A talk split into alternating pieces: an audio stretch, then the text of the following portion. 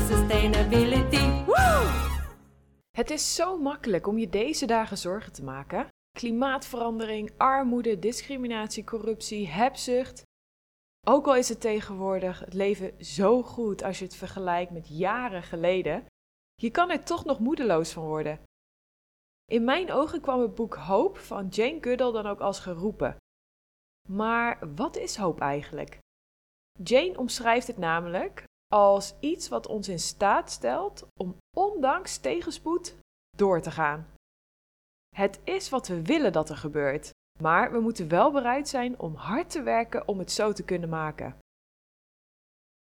Goodall zet in haar boek de feiten uiteen en ze zijn grimmig, maar ze vertelt ook talloze verhalen over veerkracht en vindingrijkheid.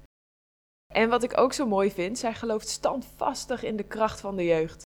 Zo deelt ze onderhand over het wereldwijde Roots and Shoots project, waarbij ze kinderen aanmoedigen en helpen om praktische positieve veranderingen voor mensen, dieren en milieu te maken. En zo werd het boek gevuld met hun en nog zoveel meer inspirerende verhalen. Eentje die mij vooral is bijgebleven is het verhaal over een blinde man en zijn armloze beste vriend die een bos gingen planten in China. Geen armen, geen zicht. Ondanks hun handicaps en een klein budget waren ze gedreven om het meeste uit hun leven te halen. Elke dag om 7 uur ochtends gingen ze samen op pad om een bedorven stuk land te herbebossen. Hij zei dat ook zo mooi. Ik ben zijn ogen, hij is mijn armen. Samen zijn we een goed team. Uiteindelijk hebben ze een gigantisch bos weten te planten in China. Chapeau. Jane zei zo mooi over deze verhalen: Hoop is aanstekelijk. Jouw acties zullen anderen inspireren. En zo ervaar ik dat ook zeker. Het kriebelt ook zelf meer om in actie te komen.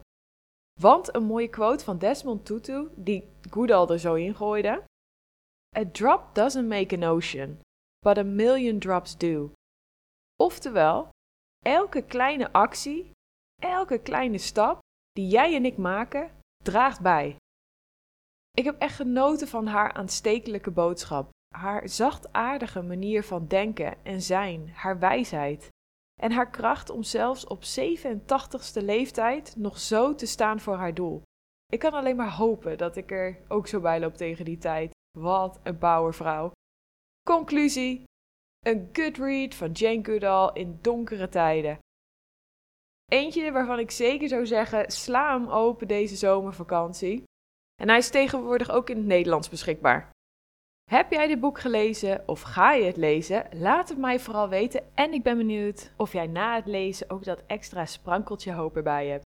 Test, test, is sustainability. Woo!